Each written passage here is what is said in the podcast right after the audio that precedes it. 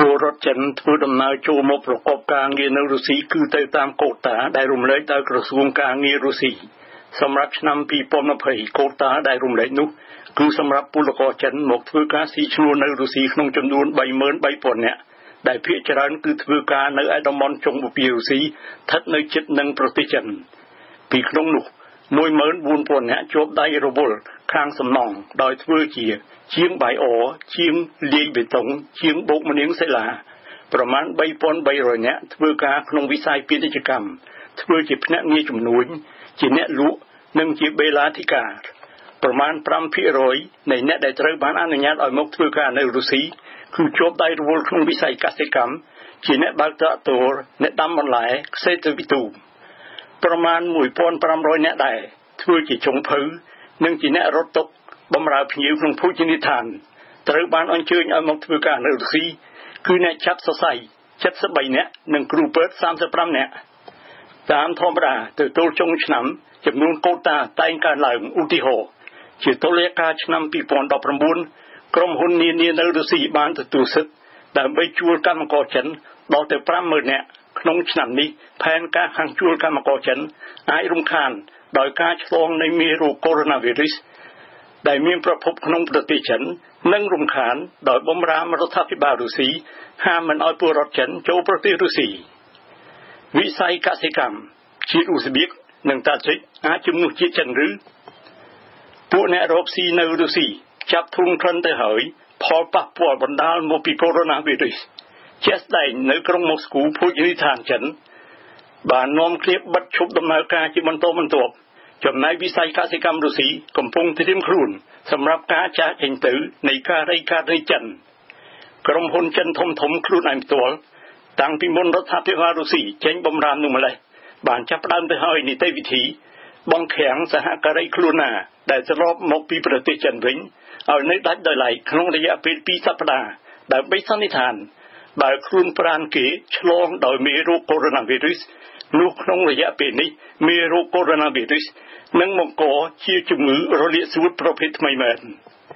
បំរាមហាមមិនឲ្យពលរដ្ឋចិនប្រជាមានិតចូលប្រទេសរុស្ស៊ីអាចជាអធិពលលើវិស័យកសិឧស្សាហកម្មតំបន់ចុងបូព៌ារុស្ស៊ីនៅទីនោះជនជាតិចិនវត្តមានក្នុងឋានៈជាអ្នកជួលដីធ្វើកសិកម្មនិងជាអ្នកស៊ីឈ្នួលឲ្យម្ចាស់កសិដ្ឋានរុស្ស៊ី គិតត្រឹមឈរមាសទី2ឆ្នាំ2019ពលសហគ្រិនចិននិងជនជាតិចិនដែលចូលសញ្ជាតិជាពលរដ្ឋរុស្ស៊ីទៅហើយ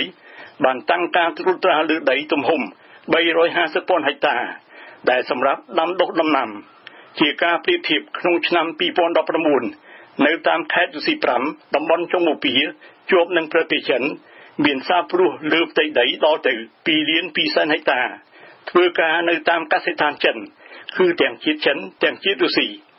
ពួកម្ចាស់កសិដ្ឋានរុស្ស៊ីក៏ជួលកម្លាំងកម្មករចិនដែរក្រុមលេសថានៅស្រុកស្រែនៅមានសល់តិចណាស់ពួកអ្នកជំនាញជាតិរុស្ស៊ីផ្ទាល់ដែលមិននិយមសារាបើពលករចិនស្រត់តែចាក់ចេញទៅនោះតាមសម្ដីពួកម្ចាស់កសិដ្ឋានរុស្ស៊ីគឺគេគ្រងស្វែងរកការីករណី ពីប្រទេសតំបន់អាស៊ីកណ្ដាលបែបយ៉ាងពីអ៊ូស្បេគីស្ថាន និងតាជីគីស្ថាន ជាងសំណង់ចិន ក្នុងមេត្រូម៉ូស្គូបច្ចុប្បន្នមានកម្មករចិនធ្វើការនៅតាមការដ្ឋានសង់ស្ថានីយ៍ថ្មី3កន្លែងនៃមេត្រូក្រុងម៉ូស្គូនៅរុស្ស៊ីកម្មករចិនក៏ជាប់ដៃយ៉ាងសកម្មក្នុងវិស័យសំណង់ជាញឹកញយគេធ្វើការខាងសង់អគារខ្ពស់ខ្ពស់នេះបើតាមការឲ្យដឹង នៃមន្ទីរចម្រុះពាណិជ្ជកម្មនិងឧស្សាហកម្មខាងផ្នែកសំណង់អគារខ្ពស់ខ្ពស់ក្នុងប្រទេសរុស្ស៊ីច្រើនតែសង់ឡើងនៅក្រុងម៉ូស្គូនិងសាំងពេតេស្ប៊ុកបំរាមរដ្ឋាភិបាលអាចនាំឲ្យអូសបន្លាយទៅ ការសាងសង់ប៉ុន្តែជាទូទៅ នៅទីផ្សារសំណង់ការនេះមិនមានរស្ពូលធំដុំទេត្បិតកម្មករចិនអាចជំនួសដោយកម្មករមកពីប្រទេសឯទៀតជាពិសេសដោយកម្មករជាតិទូគីប៉ុន្តែនៅទីផ្សារសំណង់រុស្ស៊ី ធ្វើការមិនគ្រាន់តែកម្មករដាច់ដាច់ដល់ឡើយទេតែក៏ទាំងបណ្ដាក្រុមហ៊ុនទៅផងភោជនីយដ្ឋាន មានអ្នកធ្វើការប៉ុន្តែចំនួនភ្ញៀវកាន់តែធ្លាក់ចុះទៅតាមការឲ្យដឹងនៃសមាគមពាណិជ្ជកម្មរុស្ស៊ីចិនពលរដ្ឋមកពីចិនប្រជាមានិតច្រើនតែរកការបានធ្វើនៅតាមភោជនីយដ្ឋានចិនប៉ុន្តែភោជនីយដ្ឋានចិនឥឡូវចេះតែបិទទ្វារជាបន្តបន្ទាប់ ដោយមកពីមិនសូវមានភ្ញៀវសូម្បីតែជនជាតិចិនដែលរស់នៅក្រុងម៉ូស្គូក៏ចេះតែជៀសវាងមិនចូលភោជនីយដ្ឋានជាតិខ្លួនដែរពីព្រោះគេខ្លាច មានភ្ញៀវជាតិខ្លួន ដែលទើបទៅរាប់មកពីស្រុកចិនក្រែងពំជាប់ដោយមេរោគកូវីដ -19 ម្ល៉េះហើយ បានជាសម្រាប់គេសុខភាពគឺថ្លៃជាងតាមទិន្នន័យស្ថាប័នសន្តិសុខរុស្ស៊ី FSB ខាងត្រួតពិនិត្យលើច្រកចេញចូលប្រទេសរុស្ស៊ី ក្នុងឆ្នាំ2019មានពលរដ្ឋចិនធ្វើដំណើរចូលប្រទេសរុស្ស៊ីជាទេសចរគឺជិត1លាន5សែននាក់ជា businessmen គឺ3សែន30,000នាក់តាមរដុំតខ្លួន1សែន90,000នាក់តាមទិដ្ឋាការឯកជន1សែន5,000នាក់តាមទិដ្ឋាការការងារ93,000នាក់តាមទិដ្ឋាការនិស្សិត52,000នាក់គ្រាន់តែឆ្លងកាត់ប្រទេសរុស្ស៊ីគឺ2000នាក់ ទាក់ទាញអារម្មណ៍ពលរដ្ឋចិនគឺក្រុងម៉ូស្គូនិងក្រុងសាំពេត្របុកជាទីដែលគេនិយមទិញវត្ថុប្រណិតប្រណិតដែលថ្លៃថ្លៃទាំងក្រុងរុស្ស៊ីនានានៅតំបន់ចំពោះពីក៏អាស្រ័យនឹងទេសចរចិនដែរក្រុមហ៊ុនណាដែលធ្វើការក្នុងវិស័យទេសចរកំពុងរងទទួលការបាត់បង់ជនជាតិចិនមានទំហំដល់30%នៃទីផ្សារទេសចររុស្ស៊ីហើយគ្រាន់តែប៉ុន្មានថ្ងៃនេះ